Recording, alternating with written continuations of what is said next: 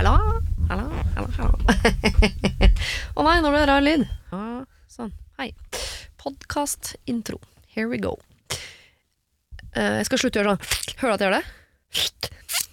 Lager sånn lyd. Jeg skal slutte med Jeg skal slutte med det uansett. Selv om ikke du har merket at jeg har begynt. Hei!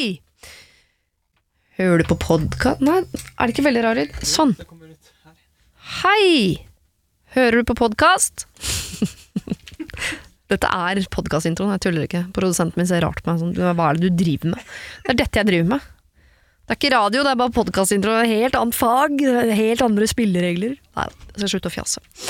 Eh, hva har vi foran oss da? Jo, vi har jo eh, problemer og løsninger som vanlig. Denne gangen er det da Anne Rimmen og Hasse Hope som har vært her sammen med meg en god stund og løst problemer. Eh, Hasse er eh, snodig type. Han er, eh, Hasse har vært med mange ganger som hjelper. Eh, og han er alltid et eller annet sted på vei inn eller ut av et forhold, på vei inn eller ut av en slankekur, eh, på vei inn og ut av et eller annet prosjekt.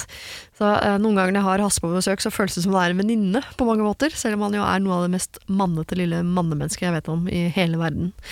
Vi vet jo også at Adam Sjølberg, som er en annen hjelper vi bruker ofte, han har altså så lyst på Hasse Hope at det er som å se meg i en hvetebakstbutikk. Det er noe av det villeste og morsomste jeg vet om. Litt som å se meg foran Tom Stiansen som jeg hjelper neste helg. Ikke si det til Tom, det blir så kleint å skulle være sammen med han om en uke. Hvis han vet dette. Kanskje han vet allerede. Bla, bla, bla, bla, bla. Det handler ikke om han nå, nå handler det om dette. Anne Rimmen, Hasse Hope og meg som skal eh, løse problemer. Uh, og jeg syns vi klarer det bra i dag. Det har vært en del alvorlige, tunge ting. Det er helt tydelig at vi nærmer oss jul. Da begynner folk å ha det vanskelig, og begynner å tenke og begynner å, problematisere. Eh, Så uh, trøkk på, uh, send inn, be om hjelp hvis det skulle være noe. Gjerne julerelatert. Jeg veit at eh, noen av dere gruer dere til jul. Fordi enten uh, man er aleine, eller fordi man gruer seg til å være sammen med de folka man føler seg forpliktet til å være sammen med i jula. Send inn, altså. Sirialfakrøllradionorge.no. Og kos deg med dette, da. Siri og de gode hjelperne. Da er helgens gode hjelpere på plass. Det er jo da deg, Anne Rimmen, med en ny unge på vei. Gratulerer. Jo, takk. Og da tenker jeg på den inni magen din. Ja. Ja. Men så har du en slags annen unge på vei også, som kommer allerede 21. november. ja. Hva er det? Det er jo da den andre ungen min som vi sier. Nei, det er et nytt program som eh, skal gå på TV Norge. Det er et eh, program som heter Min kveld. Mm. Som er da et type portrettprogram. Eh, Men det som er lille twisten vår, da, det er jo at hovedpersonen selv skal være programleder. Ja. Ja. Mot sin egen Ikke vilje, men i hvert fall viten. Ja, Ja. De vet ingenting om det når de kommer, så hvis det er du som måte er hovedpersonen vår, så kommer vi, møtes vi og sier hei og hå. Og så går jeg i studio og forteller publikum eh, konseptet. Ja. Og så får du også vite at å ja, det er du som er programleder. Så du får Ja. vite det rett før du går i studio. Så med intervjuer min egen mor og gamle naboen og sånn. Riktig. Oi, Men oi. vi har forberedt alt, da. Å ja. Så du må stille de spørsmålene som vi har laga for deg.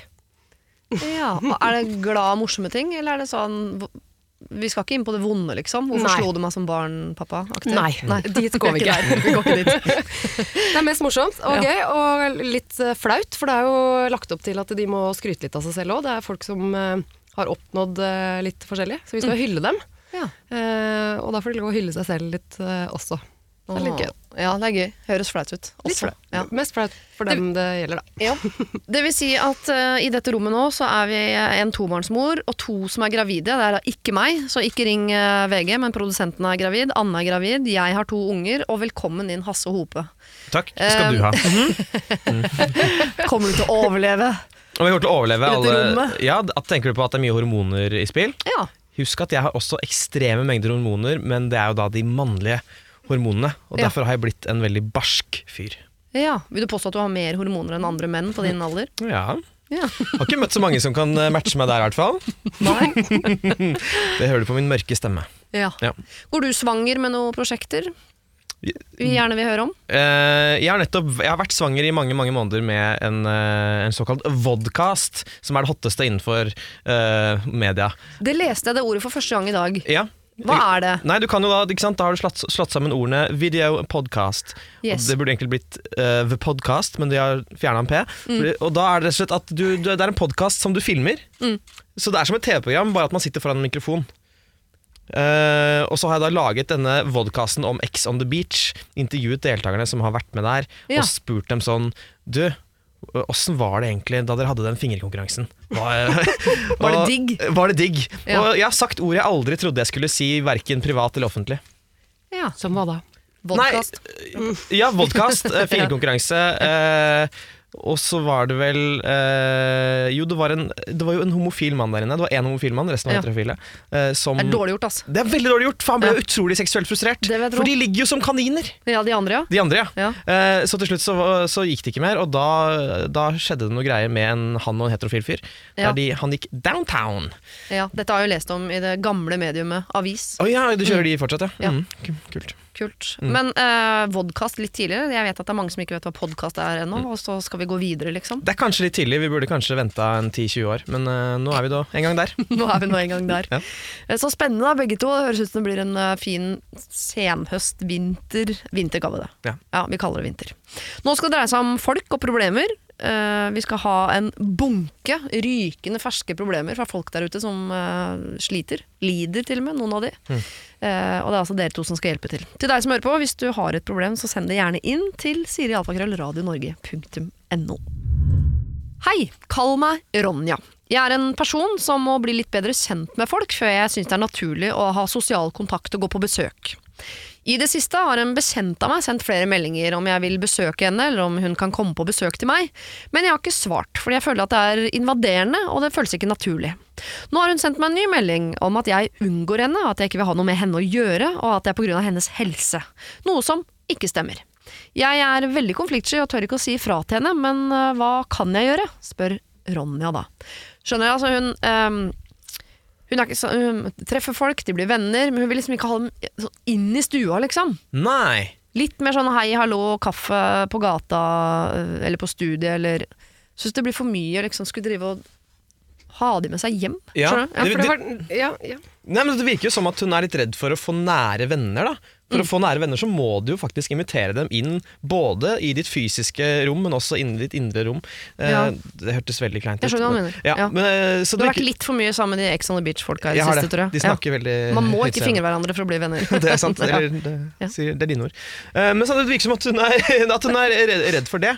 Eh, og, eller kanskje at hun er veldig introvert, rett og slett. Antageligvis. Ja. Ja, men jeg tenker jo, du var jo litt inne på det da. Kanskje, kanskje første steg skal være at de møtes eh, på nøytral grunn. Mm.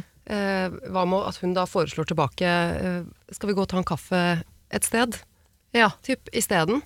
Ja. For å bli litt bedre kjent, og det kanskje kan igjen føre til at de kan besøke hverandre hjemme hos hverandre. Ja, og så gradvis møtes nærmere og nærmere eh, hjemmet. da, Begynne på en kafé som er to kilometer unna, så på bensinstasjonen en kilometer unna, Ja. så gangen, så stuen. Altså Bare ta det gradvis, rett og slett. Ja, at man tar det geografisk, men også eh, i forhold til hva man snakker om. Sånn at Mm. det der eh, intime blir nærmere og nærmere sjela, nærmere og nærmere der du faktisk bor. Ja.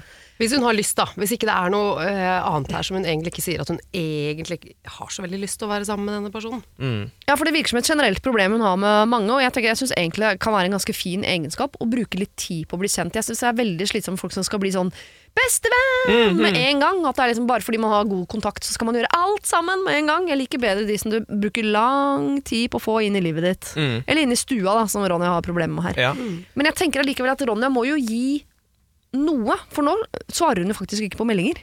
Ja, det det, det, det syns jeg er en uting. Ja. Det der må ikke svare. Fordi jeg tenker at den personen som sitter i den andre enden, eh, fortjener jo et svar. ja. Eh, om det så er et kjipt svar, så er det bedre det enn sånn derre stillhet. Mm. Ja, for hva er det Ronja risikerer her hvis hun Hun vet jo hvorfor hun ikke svarer. Men det er det jo ingen som veit. Andre der ute, hvis hun ikke svarer, så hva er det, da risikerer jo Ronja til syvende og sist å bli Venneløs. Venneløs. Ronja Venneløs. Uh, og det er, det er veldig kjipt. Eh, Så hvis hun faktisk da er ute etter å få venner, så må, så må hun jobbe med det her. Men jeg tenker også at det er viktig for henne å få sagt til disse menneskene, da, for her ble jo hun uh, potensielle venninna fornærma. Fordi hun tok det personlig. Da. Hun tenkte kanskje at det, er det er meg, hun liker ikke meg. Men hun må få, på en eller annen måte få sagt at dette er så generelt som du får det. liksom Og jeg har også mine introverte perioder der jeg kjenner at nei, nå er jeg bare nå må jeg bare eh, sitte og skrive hjemme, liksom. Jeg vil ikke drive og møte masse folk. Og da liker jeg å sende fellesmeldinger til folk og si sånn Hei, folkens! Nå, da var det Hasse som tar seg en toukers, eh, så bare så dere veit det, ikke ta det personlig hvis ikke jeg møter, kommer på fest og ikke blir med deg på det der eh, impro-greiene dine, eller whatever. Ja, ja. Og da skjønner folk at det er ikke meg, det er han. Altså, du sier fra på forhånd til dine på en måte nærmeste, en sånn fellesmelding om det. Nå kryper jeg inn i skallet mitt, Ja. ikke forstyrr. Ja, så får ikke jeg den meldingen sånn Du, nå har ikke jeg hørt noe fra deg på to uker. Er det meg? Jeg, hater du meg? Det er en god parodi på en venninne av meg. Ok, er Ja. det nødvendig? Det er jo en taktikk, men er det nødvendig? For det er mange jeg ikke snakker med på to uker. Jeg kan fint ta en pause på to uker uten at noen merker det. Eller? Ja, men jeg tenker I dette tilfellet her så handler det om at det er en som har prøvd å få kontakt, prøvd å få til eh, et eh, møte, Ja. og så svarer hun ikke. Mm. Eh, Da går det an å si, eh, litt sånn som Hasse sier, da, at du, eh, jeg har kjempelyst til å møte deg egentlig, Mm. men eh, jeg sliter litt med nærhet, Ja. eller hva det er. ja. Eh, bare for å nettopp for det første svare, og for det andre igjen si at det er ikke deg, det er meg. Ja. Fordi jeg vil egentlig, men, eh, men jeg klarer det ikke helt. Og Eller igjen da tenker jeg tilbake igjen til at hun da strekker ut en hånd tilbake og sier hva om vi heller møtes og tar en kaffe, eller går og spiser en middag ute et eller annet sted, eller en lunsj. Mm.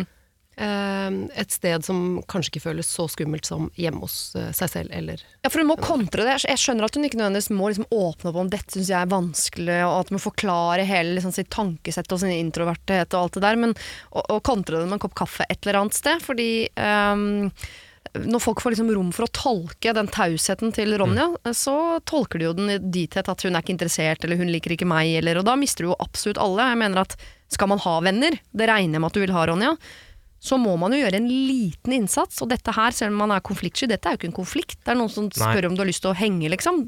Nei, det er ikke en helt- konflikt. Nei. Jeg vil helt klart anbefale at du jobber med de greiene der. Altså. Ja. Fordi jeg, skjønner, jeg, jeg respekterer veldig introverthet, uh, men du kommer til å ha et litt kjedelig liv hvis det der er din uh, hvordan du skal relatere deg til alle mennesker du møter. Ja. Så jobb med det der. ja. Du slipper ikke så billig unna, Ronja, her. Nei. Nei. Jeg tenker at her må du ikke heise det der konfliktskyhetsflagget. fordi å svare på en melding som er en hyggelig invitasjon, det er ikke å være konfliktsky. Det er, bare, eh, det er nesten litt uhøflig, på en måte. Ikke bare nesten, det er det. Ja. Jeg syns det er det. Jeg irriterer meg veldig når folk ikke svarer. Ja. Og Da- vi har forståelse for at du syns at sånne ting kan invadere, men det er fordi du forteller oss om det. Og det må du også gjøre til de andre du tenker at du kunne tenke deg å ha i livet ditt, selv om det tar litt tid. Så send en melding til venninnen din og foreslå, eller din bekjent, da, som du sier.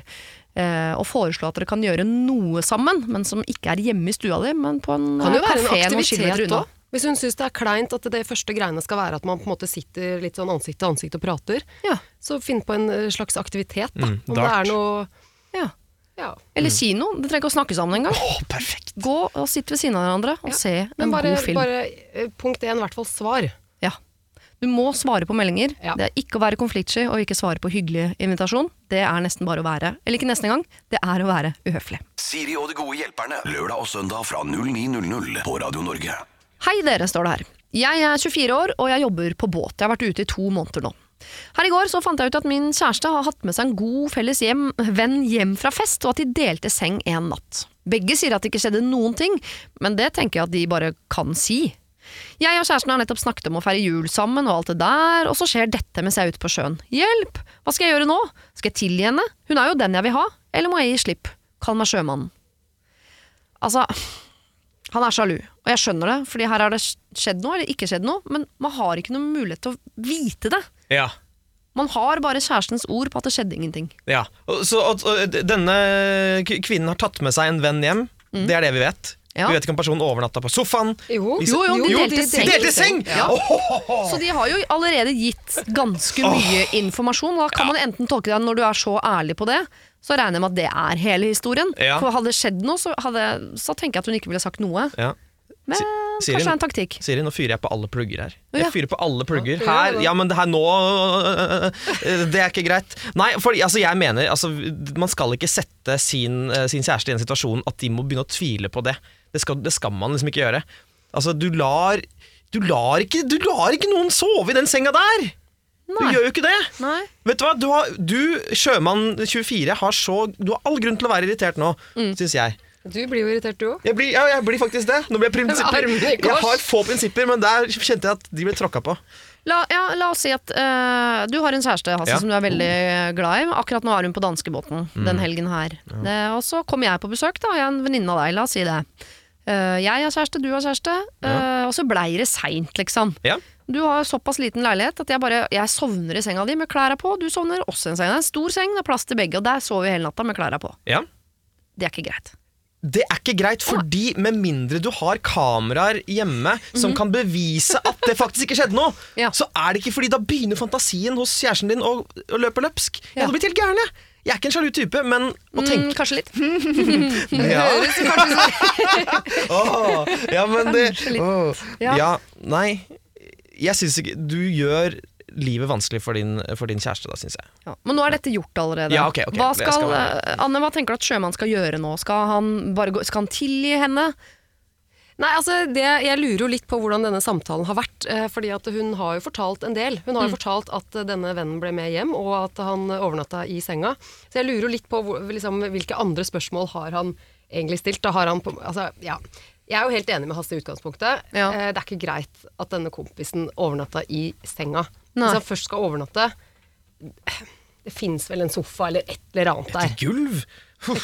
Ja, ja, ja. Men, eh, men eh, jeg tenker uansett at han må jo snakke med kjæresten sin. Mm. Han sier jo at det er henne han vil ha, og eh, han har lyst til å feire jul, og bla, bla.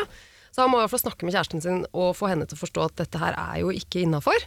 Og hvis han eh, jobber på sjøen og er borte i to uker av gangen, eh, så må han jo kunne stole på at eh, kjæresten ikke drar med seg kompiser hjem når han er borte. Ja. Og det er jo det som er problemet her nå. Det er jo at det nå har festa seg en sånn eh, tankegang sikkert hos han, da. Mm. Som jo er veldig forståelig. Mm. Ja.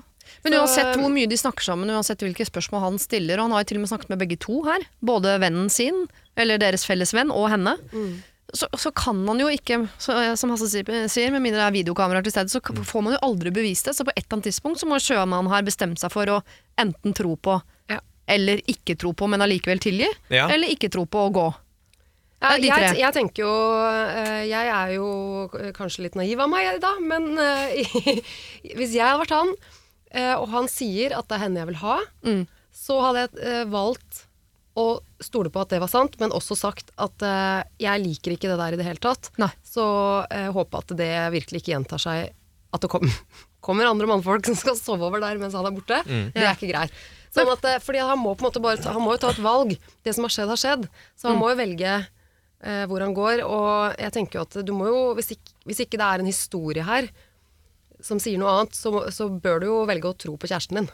Ja. Tenker jo jeg, da. Men han har lov til å være litt mistenksom og fortsette å stille spørsmål og få Ja. det til å bekrefte det de allerede har bekreftet. Og sånn, Og jeg- ja. jeg forstår mener at han ikke liker det, liksom. Jeg mener, altså, Han må jo bare være ærlig med det, og bare Ja. si at eh, det er ikke noe gøy å ha den følelsen jeg har nå, men jeg blir usikker og sjalu.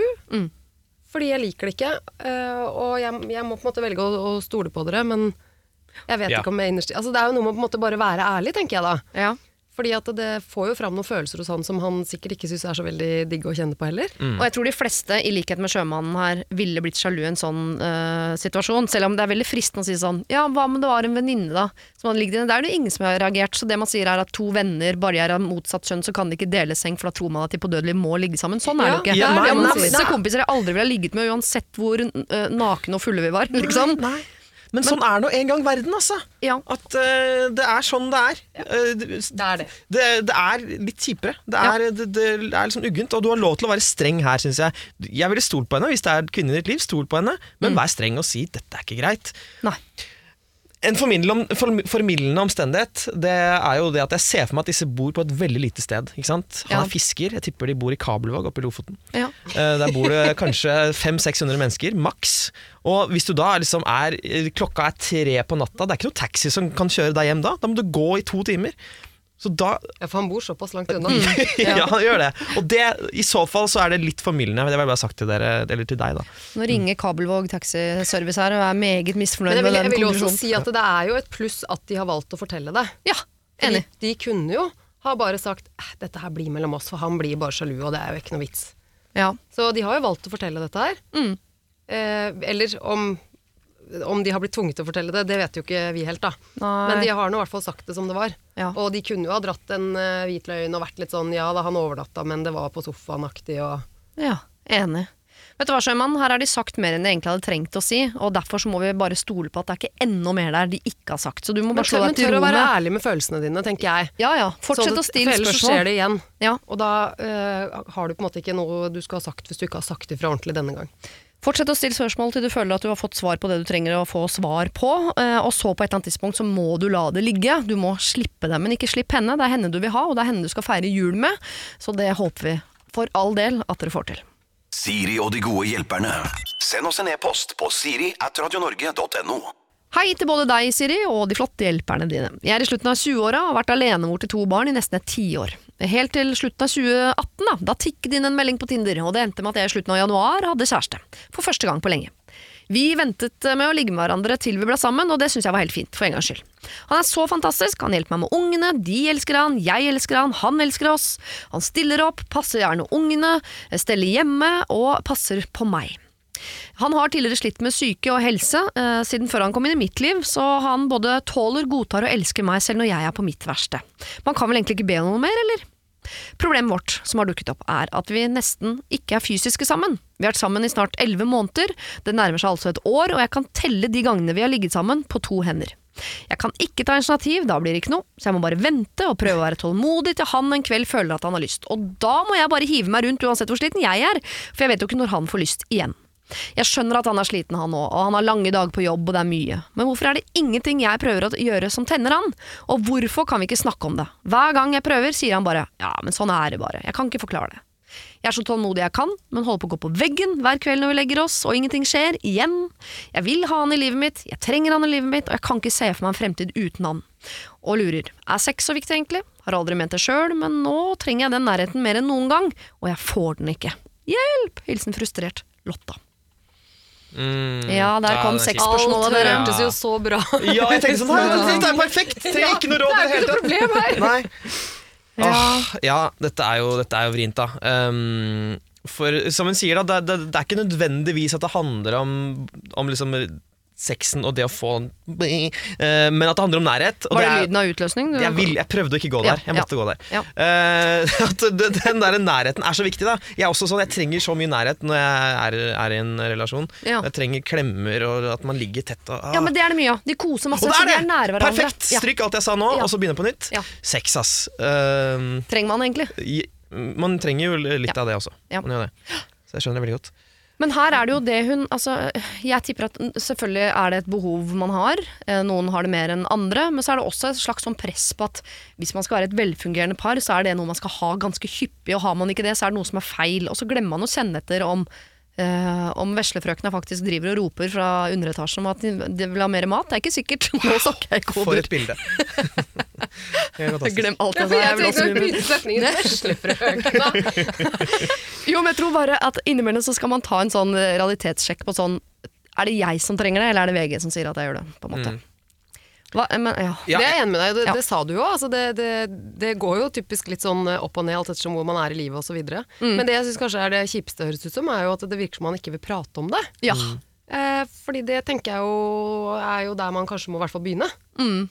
De Eh, fleste hvis- syns det er vanskelig å prate om nesten hva det måtte være, og spesielt sex er jo kjempevanskelig å snakke om. Ja. Ja, Men det må eh, de men vel. det skjønner jeg jo, men, men det er jo liksom hvis de på en måte har uh, forskjellige behov, da, Mm. uh, så må man jo kanskje som par prate litt uh, om det. Ja. Og da er det jo litt vanskelig hvis han bare liksom stenger den døra med en gang hun tar opp temaet, og ja, altså at, at ikke hun kan gjøre noe for å Men kan hun gripe deg an fra en annen kant? For for jeg kan, at han skal ha lyst. Ja. Da det- altså da, nei, da vet jeg ikke. Jo, men jeg tenker at han, han vet at han kanskje ikke leverer 100% på akkurat den plattformen der. Ja. Eh, og så kommer hun og prøver å innynde seg, så blir det bare en påminnelse av at å ja, der burde jeg vært flinkere, jeg klarer ikke, og da går man i lås. Jeg kan skjønne at det at hun prøver seg, for han blir sånn å, jeg klarer ikke. Eh, og når hun vil snakke om det, jeg klarer ikke, jeg vil ikke, for han vet at dette er et problem. Så jeg bare, Kan man angripe det fra en annen side som problematiserer liksom Det er ikke det at vi skal ligge sammen nå, jeg bare vil at du skal forstå at jeg trenger mer nærhet for at jeg skal føle meg liksom verdt noe. Altså, jeg, jeg trenger å forstå hvorfor ikke du vil ha meg, for da føler jeg meg mindre verdt. ja.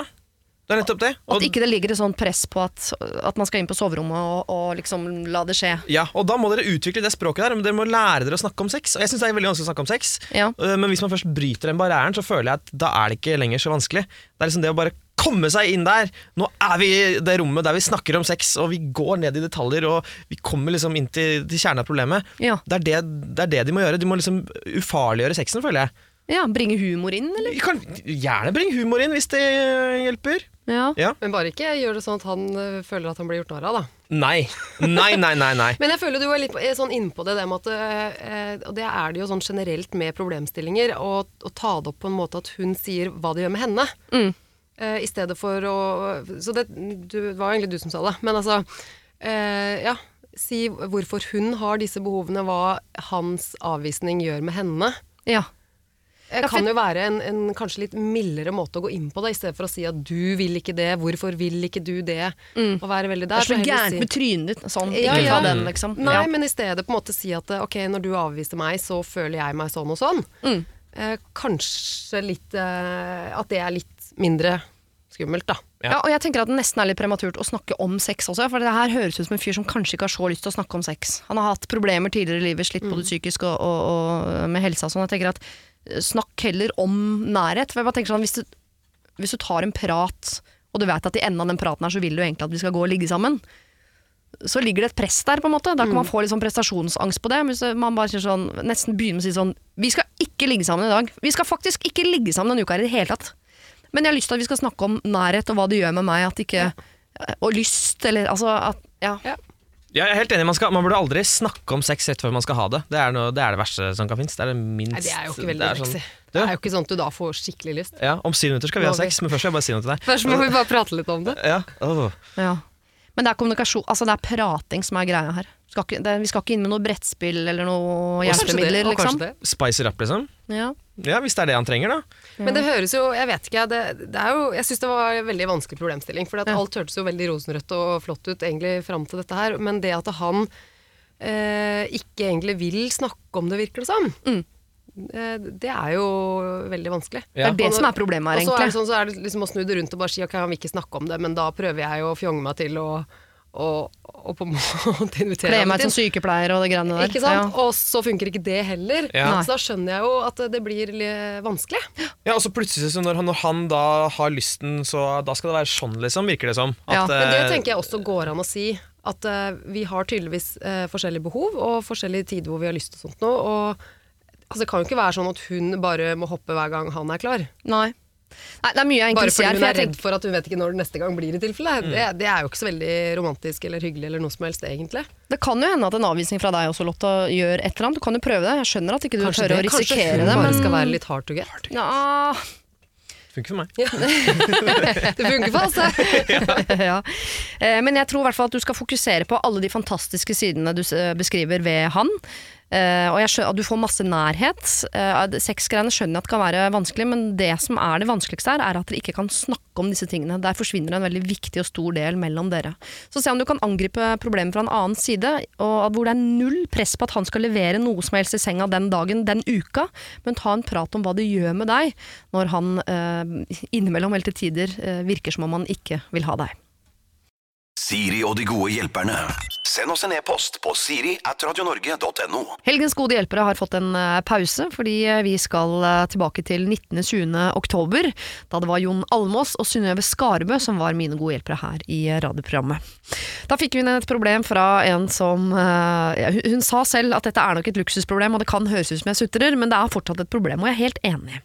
Et ilandsproblem. Altså, øh, hun hadde fått nyss i at typen kom til å fri. Altså Hun hadde kommet over et bilde blant annet, der han hadde tatt bilde av en forlovelsesring. Og til sin store glede selvfølgelig, men også skuffelse, så kunne hun se at denne ringen var øh, av sølv, eller i beste fall hvitt gull. Og øh, ja-damen, som hun kalte seg, hun øh, ville uansett svare ja på frieriet. Hun var kjempeglad for at han kom til å fri. Hun ville gifte seg, alt det der var bra. Men hun ville altså ikke ha noe sølv eller hvitt gullring. Og det var ikke fordi det var noe sånn um, Å, jeg er så Porsche, jeg kan bare gå med det beste og det dyreste. Men hun hadde bare Altså, hun likte gult gull best. Da. Hun syntes det var finest. Alle andre smykker hun hadde, hadde den eh, fargen. Det passet best til henne. eh, både sånn hennes farger og klær og alt. Så hun var liksom lurt på Kan jeg på en eller annen måte få sagt ifra om at dersom at det hvis om at du, du har tenkt å fri, så skulle jeg ønske at du kjøpte en forlovelsesring i gult gull. Jon Almaas og Synnøve Skarbø var altså mine gode hjelpere på dette tidspunkt, og du skal få høre noe av det de mente kunne være lurt. Jeg kan ikke være sølv. Ingen som kjøper giftering i sølv? Det er en grad av uforskammethet her, eh, å være så opptatt av gull. Jeg lurer på om hun kanskje Hun kan jo liksom sitte og bla i blad og vise Å, sjekk, her er en sånn ring jeg ønsker meg hvis jeg skal gifte meg en gang. Kan hun skryte av en eh, venninne på jobben og sånn Å, Klara i kantina forlova seg, vet du. Og så hadde hun var så stolt av ringen og sånn. Men jeg, bare- jeg syns den ringen var så støy. Jeg var sølv. Hallo, hvem er det som vil ha sølvring, liksom? Vent til det skjer, og så sier du at 'den var kjempefin, jeg elsker deg, vil gjerne gifte meg med deg', men kan vi bytte den ringen? Ja, enig. Dette var det Jon Almås og Synnøve Skarbø kom eh, fram til. Eh, hvis du vil høre det i sin helhet, så må du laste ned podkast altså, fra 19.20. oktober. Fått en ny mail fra Ja-damen, som skriver Tusen takk for at dere tok opp det usjarmerende spørsmålet mitt, og at dere tok det seriøst. Jeg har fått ring på fingeren, han spurte før dere rakk å svare egentlig, og ringen var av hvitt gull, og den var perfekt! Han fortalte at han egentlig ville kjøpe gult gull, siden det var typisk meg, men at den måtte spesialbestilles og kunne ikke byttes. Derfor gikk han for hvitt gull, sånn at jeg kunne få bestemme.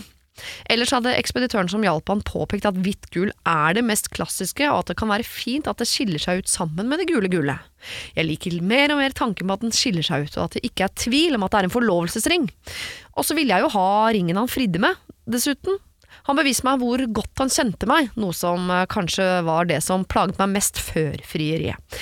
Hilsen lykkelig forelsket og nyforlovet dame.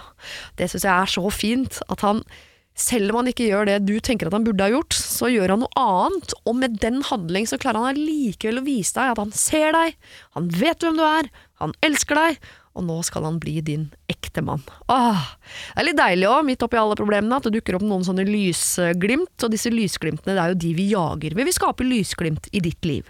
Så er det litt mørkt akkurat nå, så la oss prøve å hjelpe til, da. Send det til sirialfakrøll radionorge.no. Siri og de gode hjelperne. Send oss en e-post på siri at radionorge.no. Hei, Siri og de gode hjelperne. Min far er psykopat. Ikke slik man slenger rundt seg dette begrepet for tiden, men han er virkelig psykopat. Og så kommer hun med en del eksempler på hvordan han var mot moren hennes, som jeg vil i aller sterkeste grad si at eh, bekrefter det hun sier. Han er psykopat. De gikk fra hverandre før jeg ble født, men dessverre ble jeg sendt på besøk der rundt ja, fire ganger. Jeg har også noen halvbrødre som har vært på besøk der samtidig med meg, men jeg har ikke kontakt med dem heller i dag, og ingen av dem er oppvokst hos sin far. Og så kommer det nye eksempler på hvordan han har vært mot disse barna sine, som jo bekrefter i aller ytterste grad at denne mannen er eh, psykopat og slem på alle mulige måter. Historien min er brutal på så mange måter, men det er ikke det som er problemet. Jeg har jobbet meg gjennom mine traumer og har kontroll på det, men jeg har nå to jenter på tre og fem år, og eldstedatteren min stiller mange spørsmål, og nå kommer mitt dilemma som jeg har kverna på siden før jeg fikk barn. For jeg får spørsmål om hvem min far er, hvor bor han, hvordan er han, hvordan treff, hvorfor treffer ikke han, osv. Og, nå som de er små, så er det jo lett å avlede de, jeg har sagt at uh, han ville ikke være pappa, han dro før jeg ble født, ferdig med det, liksom. Men spørsmålene kommer til å bli flere, og da er spørsmålet mitt. Må jeg fortelle mine barn om min historie om min far? Har de krav på å vite det, og eventuelt hvor gamle er de da? Når de er voksne? Jeg forteller selvsagt ikke noe sånt når de er barn, men jeg blir aldri enig med meg sjøl om hva jeg skal gjøre. Hva tenker dere? Jeg setter enormt pris på hjelp, hilsen forvirret mamma. Ah, der har man Jeg fikk noe i halsen, det må jeg bare beklage, men eh, her har man en far som ikke har vært grei i det hele tatt. Og hvor mye av det skal man på en måte fortelle barnebarna om? Nå, så dere, nå ble dere svette på andre Ja, sida jeg er svett som der. bare det. Her, Ja. oi, oi, oi, oi. Du har kanskje ikke tenkt på det engang? Nei, altså jeg satt jo liksom og begynte å tenke sånn Hva ville jeg gjort hvis det var meg og mine barn og sånn og sånn. Eh, jeg syns det er kjempevanskelig, fordi at på en måte så tenker jeg at du vil jo egentlig bare skjerme barna dine fra alt vondt her i verden. Ja. Eh, og hvis da bestefar er, er blant det vonde, så vil du jo det. Men så er det jo selvfølgelig vanskelig når de kommer i en alder hvor de begynner å, å spørre om alt mulig. Mm. Nei, hva skal man si? Hva skal man si? Jeg tenker jo på en måte at hvis det er sånn at eh, Hvis hun selv ikke har noe kontakt med han, Mm. eh, så er det jo ikke noen grunn til at de barna skal ha det heller. Tenker jeg, da. Nei, jeg tror ikke hun vurderer at de skal ha kontakt i det hele tatt. Jeg tror bare hun er på er, hva skal man si? Hva er historien? Hva er uh, ja, Hvordan forklarer forklarer jeg barna mine at altså, De forbinder sikkert ordet bestefar med noe hyggelig, og de Ja, ser ja. venninner bli henta av bestefedre her og der, og de lurer sånn Hvorfor, hvorfor, har, du, hvorfor har du, slemme mamma, frarøvet Ja, oss gleden ja. ved å ha en bestefar? Og da har man jo på en måte et forklaringsbehov, eller problem. Ja. Og så tenker man hvor hardt skal jeg gå ut for å få de til å forstå det? Jeg ville venta til de på en måte har blitt såpass gamle at de har liksom den mentale kapasiteten til å kunne forstå hva dette handler om i det hele tatt. Ja. Og når det er, om det kanskje er i starten av tenårene, om det er når de er myndige, altså jeg veit ikke. Men eh, før eller siden så må de jo finne ut av det, men det er ikke noe vits å liksom si det til dem når de er fem år. Det vil ikke Nei, Det vil bare lage rare det- traumer, tror jeg. Ja. Ja, det tror jeg. Jeg tror ikke de forstår, eh, forstår det i det hele tatt. Og, men samtidig så tenker jeg sånn altså jeg, jeg ville prøvd å på en måte forklare noe. Mm. Eh, uten å, å si for mye. ja. Mm. Rett og slett. eh, og bare eh, kanskje rett og slett si noe om at eh, bestefar er syk. Ja. Eh, det er jo en form for sykdom, så det er jo på en måte ikke, det er jo ikke en løgn sånn sett. Nei. Men han er syk, og det er grunnen til at vi ikke har noe særlig kontakt med han. Kanskje hun har et bilde som i hvert hvert fall kan liksom vise sånn ser han ut. Mm. Ja. Selvfølgelig så kan du si at ok, kanskje det bare trigger at de har enda mer lyst til å vite enda mer og møte han enda mer. Jeg vet ikke. Men jeg bare tenker sånn Når de begynner å spørre, så må man jo svare. Ja, ja. Uh, og helt enig med Hasse at man må på en måte vente til de er modne nok til å, å kunne ta inn over seg litt mer av sannheten. Og de, hun trenger jo absolutt heller ikke å gå i detaljer. Nei, det, jeg skulle akkurat si det, fordi de trenger jo på en måte ikke detaljene om hvorfor. De trenger på en måte bare den. De må jo stole på mammaen sin når hun sier uh, han, uh, han er ikke en bra fyr og han trenger vi ikke ha noe med å gjøre. Og kanskje når de blir voksne så vil de ha et større behov for å skjønne hva det er. Men Jeg tror ikke engang i tenårene så tror jeg det vil være nesten traumatisk for en Ja. tenåring å høre såpass forferdelige ting om moren sin. Sånn, har, du blitt utsatt for, har du hatt en sånn oppvekst? Forferdelig. Jeg tror liksom ikke jeg, jeg tror man skal vente ganske lenge med det, og bare Ja. kjøre hardt på den. han er ikke en snill mann, han har aldri vært en del av mitt liv, han kommer aldri til å bli en del av deres liv, så han forholder vi oss ikke til. Men dere har jo eh, onkel Knut, han er jo kjempefin! Ja. Altså, bare, fort over dit, liksom. Ja. I hvert fall så lenge de er så små at det går an. Ja. ja, for jeg tror det er det, Nan, for nå virker det som det går helt fint, men hun tenker sånn, hva hvis de spør mer? Hvor skal informasjonen stoppe? Ja. Nei, Jeg jeg. Det er jo lurt av henne å, å ha en plan på det. Ja. Eh, og tenke på at eh, en dag så, så kommer det flere spørsmål, og da må jeg vite hva jeg skal si. Så det er jo veldig lurt, å bare ha en liten plan på det. Og jeg tenker som sagt at det, det går an å si en del uten å si alt, og uten å si ting som gjør at det, at det blir for traumatisk og for skremmende for dem. Da. Ja. Ja. Men, men kan man prøve å liksom male et litt sånn enkelt bilde av en litt sånn slem person? Altså Litt sånn Disney-skurkaktig? Liksom, eh, bestefar, han, han, er, han, er, han er litt sånn som eh, Ursula i Den lille havfrue. Men Det høres Ja. tullete ut, men jeg mener liksom at uh, å Ja, ja. male noen bilder som gjør at de skjønner liksom i veldig Ja. veldig grove trekk hvorfor kan ikke han være en del av, av Hvorfor kommer ikke han til jul, liksom? Ja, Å, har han åtte ben og kan svømme? Ja. ja, for eksempel. Det ville ikke traumatisert meg, i hvert fall. Um, Men jeg tenker også oppover i ungdommen så tror jeg man skal være forberedt også på at de kan øh, komme til å klandre sånn Hvorfor har ikke vi noe bestefar? Alle andre har en bestefar, det har ikke vi. Hvorfor, hva er det for noe gærent med deg, mamma? Sånn. og da tror jeg man bare skal stå hardt i det og stå på sin forklaring på sånn Nei, jeg har ikke frarøvet dere noen ting. Han er ikke en del av vårt liv. Jeg beklager, jeg skulle ønske dere hadde en bestefar. Vi får prøve å øh, Vi har jo mange andre gode relasjoner, men han er ikke en god relasjon for oss. ja. Og bare Men noen ikke ganger liksom så eh, tenker jeg at eh, som mor da, så må hun stå litt i det, og, og, Ja. og kanskje få litt sånn anklager og sånn fra barna sine. Men til syvende og sist så gjør hun det jo for å, å verne dem eh, og beskytte dem. Mm. Eh, så jeg tenker at sånn er det. Sånn Ja. er det. Det er litt det samme som på en måte at eh, hvis foreldrene er skilt, så snakker du ikke dritt om eh, faren likevel. Altså, skjønner du hva jeg mener? Selv om du kanskje egentlig har veldig lyst. Men du gjør jo ikke det til barna dine likevel fordi de skal ja. ikke sant? Altså, det er jo liksom noe med at du, du velger litt hva du skal fortelle. Jeg tror også det er viktig at man bare står på den samme historien og kanskje gjentar den eh, ofte. sånn at det blir, Du må jo huske det, da. jeg har også eh, to barn som på en måte aldri har truffet sin eh, bestefar. Mm. og det hender de spør om det, men de har, måte, de har jo aldri hatt noe bestefar heller, så de har slått seg med ro, til ro med mammas forklaring på at han er ikke en del av vårt liv. Jeg har også sagt han er syk i hodet, så han har vi ikke med, noe med å gjøre, dessverre. Og da er det, det er en historie de har hørt mange ganger opp igjennom. Så jeg har til og med hørt de nå si til andre barn, hvis de spør du, hvordan er bestefaren din? Lala? Så sier de sånn, nei, han, bestefaren min er syk i huet. Så han, han sender vi liksom ikke. Nei. Og så tror jeg de kommer til å kjøpe den teorien til de er oppe i tenårene. Så kommer det sikkert nye spørsmål. Og da er det som du sier, Anne, sikkert lurt å ha en plan for hva man skal si da også. Men jeg tror man skal stå på historien sin, ikke dele for mye detaljer. Og være helt steil og tåle på en måte de kritiske spørsmålene. Fordi du vet jo at det du gjør som forvirret mamma, det er å skåne barna dine. Ja. Siri og de gode hjelperne. Eh, Jeg pleier å spørre eh, helgens gode hjelpere om hvordan de er som, og det kan være nabo eller venn eller forskjellige sånne relasjoner man er i. Og eh, i dag har jeg valgt, Det er kanskje litt rart for deg, Hasse Hope, men jeg har valgt 'Hvordan er du som mor'? Eh, altså, du kan jo tenke litt, Hasse, hvordan du tror du kommer, hvordan du kommer til å bli uh, Som far. da, kan du få lov til. Hvordan tror du du kommer til å bli som far? Uh, og så begynner vi med deg, Anne, siden det antageligvis ligger lenger framme i pannebrasken hos deg. Hvordan mamma du er. Ja, altså Her er det lov å skryte. Er det det? Ja, ja, ja. ja. Nei, jeg vil jo si at uh, jeg er en snill mor, men som kanskje noen ganger er litt for snill. I den Ja. forstand at uh, det er jo sønnen min som bestemmer mest. Ja, så du er ikke den grensesettende Jeg eh, skulle ønske at jeg var flinkere til å, å være litt streng, og til Mm. å sette litt sånn klarere grenser. Jeg gjør det jo absolutt innimellom. Og så er det litt sånn at jeg velger mine kamper, da. Ja. Men jeg satt jo i, formiddag og stolt fortalte eh, svigermor om en kamp jeg hadde tatt på, på butikken her om dagen. Fordi eh, sønnen min syns det er veldig gøy å være med i butikken. Eh, og det har jeg syntes vært så deilig, for jeg tenker sånn, å stakkars de som har sånne barn som slår seg helt vrang i butikken. Men eh, det det handler om, er jo at når han er med i butikken, så ender han jo veldig ofte opp med å få med seg et eller annet hjem.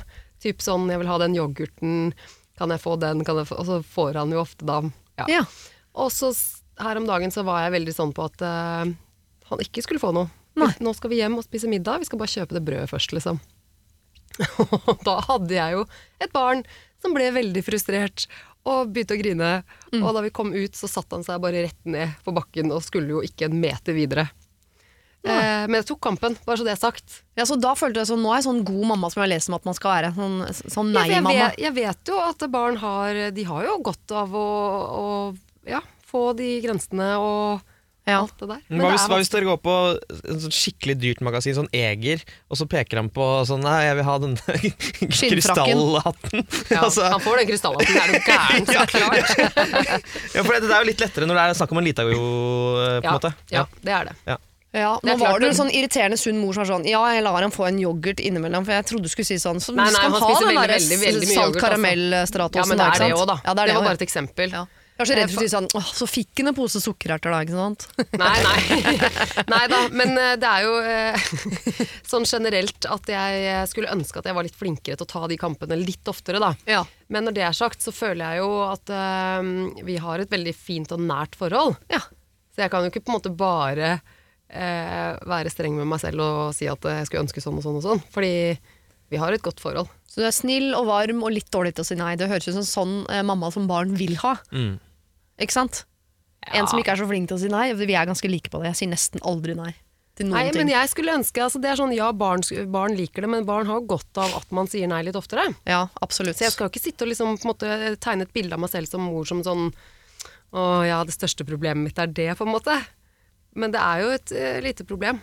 Og det er ikke bare i butikken, det er jo noen eh, andre tilfeller hvor han slår seg totalt vrang fordi at han ikke får vilja si. Ja. ja, jeg kjenner meg igjen. Jeg sier altfor mye ja, og så har jeg da en pappa som er flink til å si nei, og så har vi det gående da, ikke sant. Da føler han at han står alene mot dragelsen, mens jeg bare er sånn klovn som gir bort hvetebakst på sida der, og får all kredden De fra elsker barna. det, De elsker det. Ja. Hva tror du du, eh, ikke sant, tar vi en kjapp runde på deg da, altså, hva du tenker at du, hvordan pappa du blir? Ja, nei mm. eller ja, eller klovn, eller? Nei, altså jeg har tre prinsipper eh, som jeg har klare til den dagen jeg blir uh, mor eller far, holdt jeg på å si. Ja, det hadde uh, sikkert Anne og jeg også hadde det. Få Ja, ikke høre. sant? Ja. Ok, Første prinsipp er at hun eller han skal få masse masse klemmer. Det, det, for det satte jeg så stor pris på, og det har Ja. gjort at jeg har blitt uh, en litt sånn følsom fyr. Ja. Og det syns jeg er godt. Jeg, jeg liker å være det. Ja, det jeg- kommer du til å klare å gjennomføre. Tusen takk. Ja. Uh, prinsipp nummer to skal, du skal faen ikke få et gram sukker før du er 19 år. Det kommer du ikke til å klare. Lykke til! Ja, men jeg fikk så mye sukker, og jeg blei jo en bolle. Jeg blei en rullende ball. jeg var jo en ball! Ja. Ikke sant? På ungdomsskolen og på barneskolen. Så jeg, jeg skal i hvert fall holde igjen. Jeg veit at det sikkert er sånn alle sier det når de og se blir hvor foreldre. forferdelig livet ditt er nå, Hasse. Ja, det er grusomt. Sitter og drikker sukkerfri Red Bull, for fader. Ja. Prinsipp nummer tre. Prinsipp nummer tre. Uansett hvem den personen er, så skal de bli lættis som bare faen. Altså. Jeg skal, de skal få høre noen små vitser og lære seg ironi når de er to år. Og, Ja, ja, de, det skal, går. ja, Ja. og de skal bli så snappy og lættis at de blir skolegårdens uh, standup-komiker. Ja. Jeg tror på at de blir veldig koste, de barna du får. At du blir en koste pappa. Jeg tror de blir veldig morsomme, siden du er en morsom pappa. Og så tror jeg de blir kule runde. Yes! De kommer i hvert fall til å lyst på alt som eh, inneholder sukker. Ja, er. Absolutt. Ja, ja. To av tre prinsipper tror jeg kommer til å gå Ja, ja. Det veldig, veldig fint. fint. Det er ikke gærent. Neida, neida. Siri og de gode hjelperne. Hei Siri og gjengen, står det her nå. Det er blitt en gjeng, det er fint. Ja, det er koselig. Jeg er en jente på 26 som for tiden er i et avstandsforhold med min britiske kjæreste på 25. Vi har bodd sammen før og skal snart bo sammen igjen i London. Han har studert filmproduksjon og har de siste tre åra jobba i diverse eh, jobber innenfor reklame og vært assistent osv. Men så for en, en måned siden så kuttet jobben ned på arbeidsdagen hans, så han tjener nå, han jobber mindre og tjener mindre. Han har søkt på utallige stillinger, brukt kontakter osv., men har kun fått ett intervju hvor det gikk bra, men han fikk ikke jobben. Jeg ser hvor vanskelig bransjen han ønsker å jobbe i er, og hvor vanskelig det er å få en stabil jobb, og ikke minst hvor vanskelig det er å få en god økonomi når du er i denne jobben. Han er ambisiøs, utadvendt, hardt arbeidende og flink, men jeg skulle ønske han kunne bare skifte karriere og prøve noe annet. Det at han tjener så dårlig og har en så ustabil karriere, går jo utover hans egen selvtillit og vårt liv sammen. Jeg vet at han har sett for seg denne karrieren, men jeg tror han kunne passet godt til andre ting også. Jeg prøvde å snakke med han om dette, men jeg føler ikke at han er klar til å gi opp. Og nå begynner jeg å kjenne på at jeg er utålmodig. Så, skal jeg støtte han i å finne drømmejobben, eller skal jeg få han til å vurdere andre jobber? Takknemlig for all hjelp. Skal hun fortsette å liksom hjelpe han inn, ikke hjelpe da, men støtte han inn i filmbransjen, eller skal jeg si da, vet du hva, ta deg sammen, nå øh, må du begynne med noe annet. Ja, altså jeg, jeg er veldig opptatt av å følge drømmen. Dette veld, det blir veldig klisjéaktig det jeg sier nå, men altså follow your, follow your dream for fuck's sake. Eh, og at man skal støtte folk som vil gjøre litt eh, vanskelige få litt vanskelige jobber og sånn. Um, men så går det en grense, på en måte. Hvis hans drøm var å bli liksom eh, å bli Hollywood-stjerne, og det er det eneste han vil, liksom, som er noe av det vanskeligste som kan bli i hele verden, så er det, kan du gi ham en reality check. Men han har lyst til å jobbe med reklame og jobbe med film. Ja, det er vanskelig å få seg jobb der, men det er det som er hans lidenskap. Jeg er helt på støtt ham, Ja. selv om det nå er vanskelig, og håp og tro på han. Ja, for hvis det er sånn at han, du så fra sidelinja sånn, men dette er du jo ikke god på. Altså sånn, jeg har jo hatt venner som er sånn, jeg skal bli eh, sangstjerne. Jeg tenker sånn, ja, men du synger som en kråke, det kommer aldri til å gå bra. På et eller annet tidspunkt da man sier fra sånn, kanskje du eh, skal drive med noe annet. Men her er det bare, han er jo flink, han er ambisiøs, hardtarbeidende, utadvendt, alt. Han bare har ikke kommet inn ennå. Mm. Hva ville du sagt, eh, Nei, altså, Anne? jeg er eh, også full av klisjeer og enig med min makker her. Ja. Eh, Jeg syns også at han skal få lov å følge sine drømmer, men selvfølgelig til et visst punkt. Eh, eh, sa du hvor gamle de var? ja, han er 25, hun er 26. Ja, De er jo så unge. Så jeg tenker sånn, herregud, ta så følg den drømmen litt til i hvert fall. Er det sånn at de holder på i ti år og til slutt ikke har eh, penger til eh, på, pålegg på brødskive, på si, så kanskje man må begynne å tenke ok, dette var ikke min bransje. Nei. Eh, og de har ikke noe barn, står det i hvert fall ikke noe om. Nei, nei, eller? nei, nei, har ikke Så jeg tenker sånn, da tåler man jo å prøve litt til, så lenge det går. Og hvis det er hans drøm, så tenker jeg at eh, støtt han i det. Jeg tenker at selv om ikke de har pålegg på brødskive, at de skal fortsette å, å prøve. Fordi hvis det er sånn at han er god på dette, det bare tar tid Han er 25 år, det er jo ingen, Det er ingen som har drømmejobben når de er 25. Det er det ingen som har. Uh, selvfølgelig noen irriterende mennesker, skal ikke navngi de, det, så er det selvfølgelig noen, men uh, Nei, men det er ikke det som er poenget. Poenget her er jo liksom at uh, han og de er såpass unge at det er jo ikke noe stress. Da Nei. tenker jeg at da er det lov å prøve litt til. Og hvis det er hans drøm, og han er hardtarbeidende, skriver hun jo, og eh, står på, eh, da er det fort gjort at den drømmejobben kommer rett rundt hjørnet. Og det er veldig mange firmaer som driver med nedbemanning. Det trenger ikke bety at han har gjort en dårlig jobb der for det. Nei. Og når han er så ung, så er det ganske vanlig at det er de som ryker først, på en måte. Ja. Sist inn. Ja.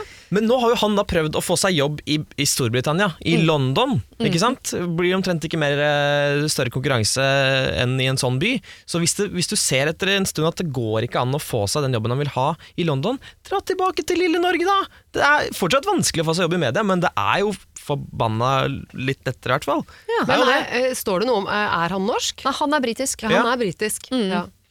Eh, jeg, bare, jeg skjønner at det økonomisk er vanskelig. Han skylder visstnok mammaen hennes litt penger allerede. Og sånn. Det er bare dere to. Man kan overleve på nudler, man kan overleve på, uh, på din jobb. Og i det hele tatt, det kan man gjøre i ganske mange år. Jeg vet til og med om folk som har tre unger og bor litt sånn øh, trangt, men driver med drømmen, liksom. Og innimellom er det penger, og innimellom ikke. Og, men jeg tror bare, hvis man slutter å støtte hverandre i, i de tingene man virkelig liker å drive med, så går det mye hardere utover kjærligheten enn at det er litt smått om penger. på en Og så kjipt det må være også hvis hun skal være den eh, som har på en måte nekta han å følge drømmene sine, da. Mm.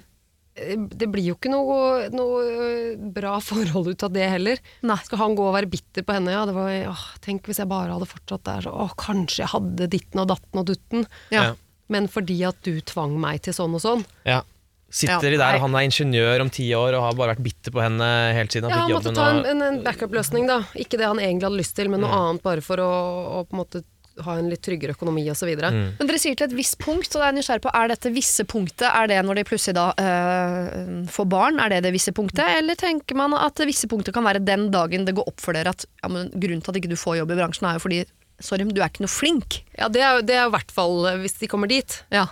så mener jeg at det, da må det i hvert fall være sånn. ja. Da må de jo i hvert fall runde av. Definitivt. Og da, er det, da må hun fortelle det til kjæresten sin. Sånn, beklager å si det, men dette er du ikke god på, liksom. ja. Mm. Åh, det håper jeg hun slipper å si, ass. Det er ikke noe kul beskjed å gi, og det er ikke noe kul beskjed å få men noen Ja. ganger må man jo det. Ja, men test ut lokalradio i kabelvåg først. Altså, Noen ganger må man Ja. begynne et sted som kanskje ikke er der drømmen er, Mm. men som til slutt gjør at du, om ikke kommer helt dit, så i hvert fall kommer nærmere, da. Mm. Ja.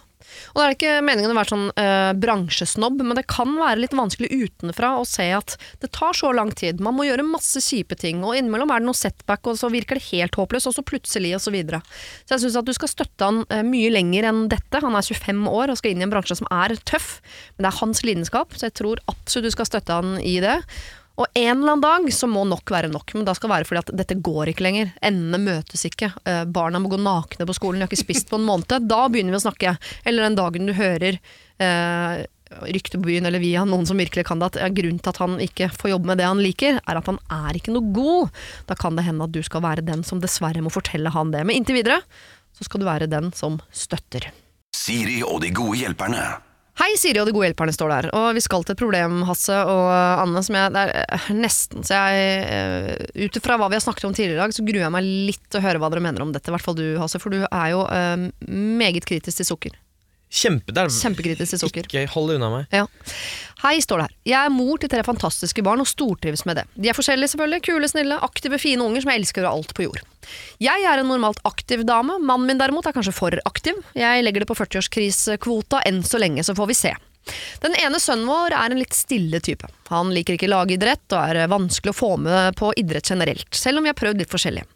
Utvalget her vi bor er ikke enormt, og så langt er det bare skøyter som har vekket en viss interesse.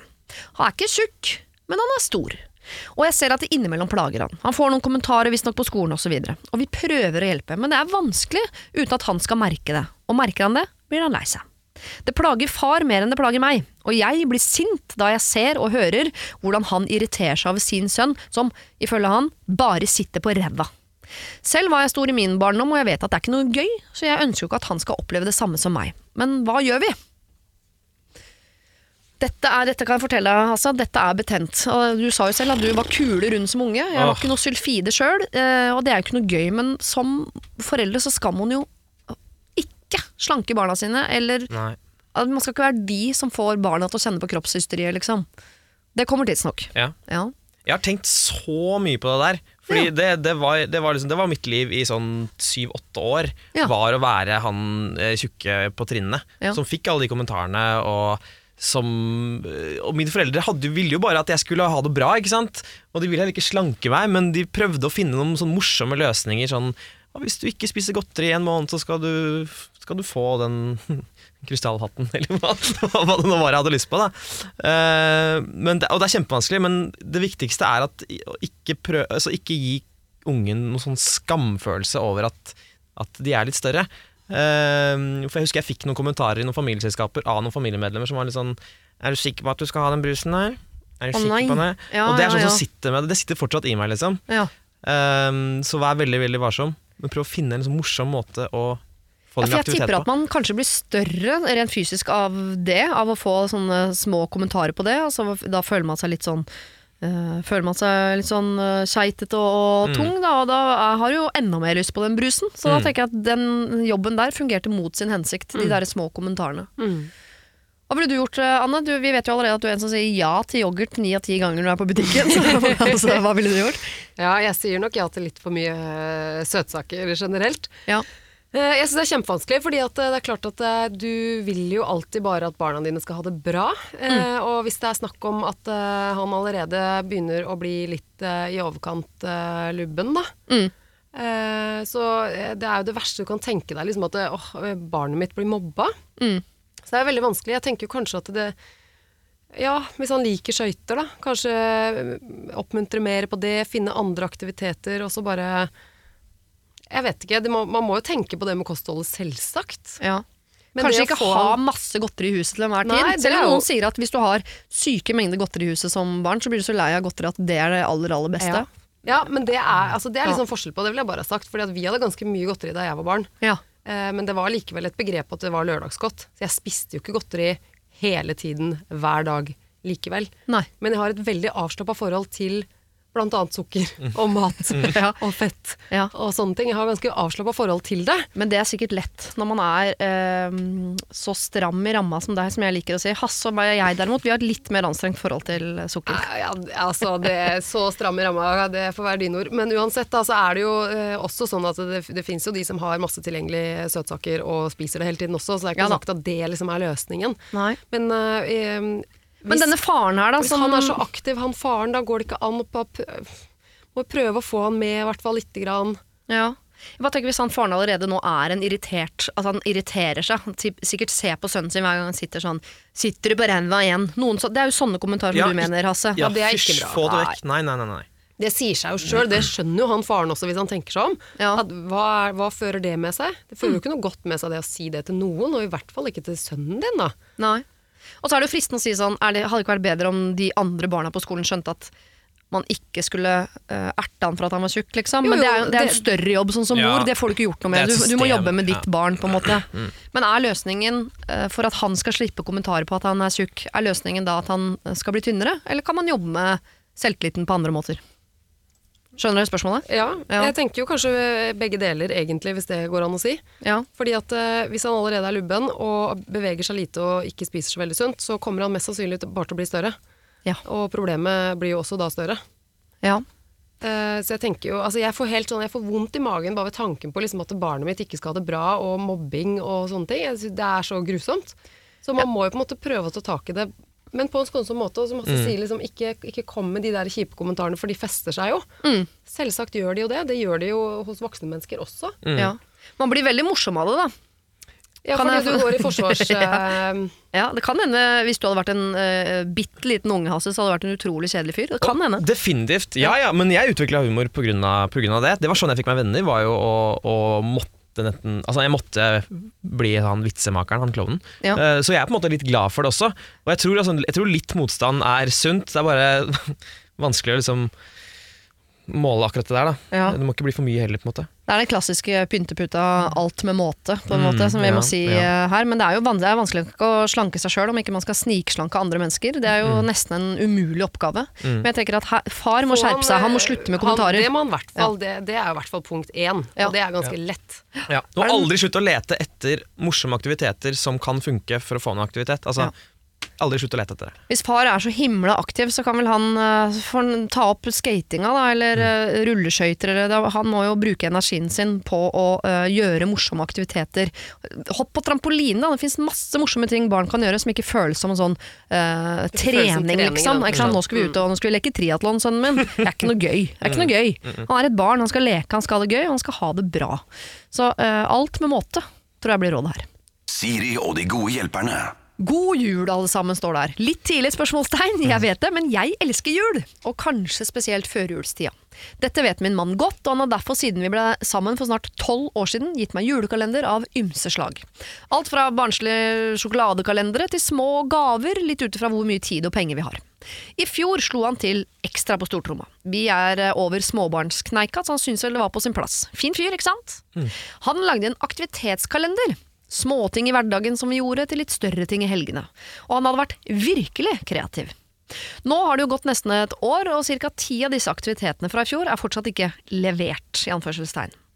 Litt begge sin skyld, altså. altså. Tida strekker ikke til, osv. Så kom det meg for øre at han planlegger tilsvarende kalender i år. Og han koser seg jo virkelig med å sitte og klekke ut små ting vi kan gjøre sammen. Han googler seg blå og grønn på kveldene. Men jeg kjenner at det er bitte litt irriterende å skulle få 24 nye hendelser når jeg har ti til gode fra i fjor. Eh, da vil jeg faktisk heller ha duftlys, liksom. Er jeg urimelig, og kan jeg gjøre noe her? Ja, du er litt urimelig, vil jeg bare ha sagt. Ja, Altså, Men ofte er man urimelig, men det er fortsatt et problem. Ikke sant? ja, er det det? Jeg tenker i utgangspunktet, eh, Gud, så heldig du er som har en eh, samboer eller mann som gir deg i julekalender, og som koser seg med å lage det til deg. Det må du først og fremst eh, ta litt til deg, syns jeg. Ja. Eh, og når det er sagt, så tenker jeg jo at eh, ja, jeg ser den. At det er litt kjipt at du ikke har fått brukt opp eh, ti av gavene fra i fjor. Eh, men hun sa jo også at eh, det er litt hennes feil også, og mangel på tid osv. Eh, nå når hun allerede vet at hun skal få en sånn kalender i år også, Mm. Tar vi kanskje litt av eh, det gøye og mystikken rundt det, men hva med å si til han du, kan vi ikke eh, si at eh, halvparten skal f.eks. være aktiviteter, halvparten noe annet? Skal vi gå sammen om å gjøre, bestemme oss for noen ting vi har lyst til å gjøre sammen? Mm. Jeg er enig i at det tar vekk noe av det gøye, selvsagt. Ja, for når åpner sånn nå- 'Å, Farris spa-viken', så er det sånn mm, 'Blir sikkert noe'. Altså, Men det er jo det som er poenget når hun allerede er der nå. ja, Og hun har jo ikke engang fått denne kalenderen. Ja. Så tenker jeg jo at eh, ja. Men samtidig. I fjor fikk hun 24 hendelser. 14 av de har de utført, og det kan sikkert være alt fra sånn Jeg tipper det har vært noen som er sånn I dag skal vi bare holde rundt hverandre i fem minutter. Ikke sant? Det har vært, jo, jo, men det har sikkert vært noen som Nå har ikke fått 24 runder med Farris spa. Nei, nei. Eh, så det har sikkert vært noen sånne. Tenk sånn, da har Ja. du fått 14 veldig fine ting av mannen din. Det er 14 mer enn folk flest, da. Ikke sant? Det det. Så du er allerede så innmari på plussida. Mm. At det er litt rart å sitte og sette seg ned og kreve duftlys, liksom. 24 i slaget. Så jeg tenker, altså får du det samme i år. La oss si at han 24 nye ting. Og så er det, i år er det kanskje ti av de dere rekker å gjennomføre. Du er fortsatt ganske på plussida. Veldig, vil jeg si. Men da må hun jo legge bort det der med altså Når hun åpner de lukene, så må hun tenke sånn Dette kommer ikke til å bli noe av, men tan er det tanken som teller? Det er et stort spørsmål, men det er fint å ta før jul. Kan det noen Jeg- ganger være tanken som teller? Ja, i denne Ja, sammenheng, ja, ja, ja, ja, i aller ja. høyeste grad. Absolutt. Jeg syns det er helt eh, utrolig. Jeg visste ikke at det fantes sånn Som Oi lager en sånn Ja, Ailo kan godt, han kunne godt laga en sånn julekalender. Herregud, så glad jeg hadde blitt. Ja. Uh, jeg ser for meg at min mann kunne gjort det, men det er mer sånne ting som gagner han. I dag skal vi ligge sammen!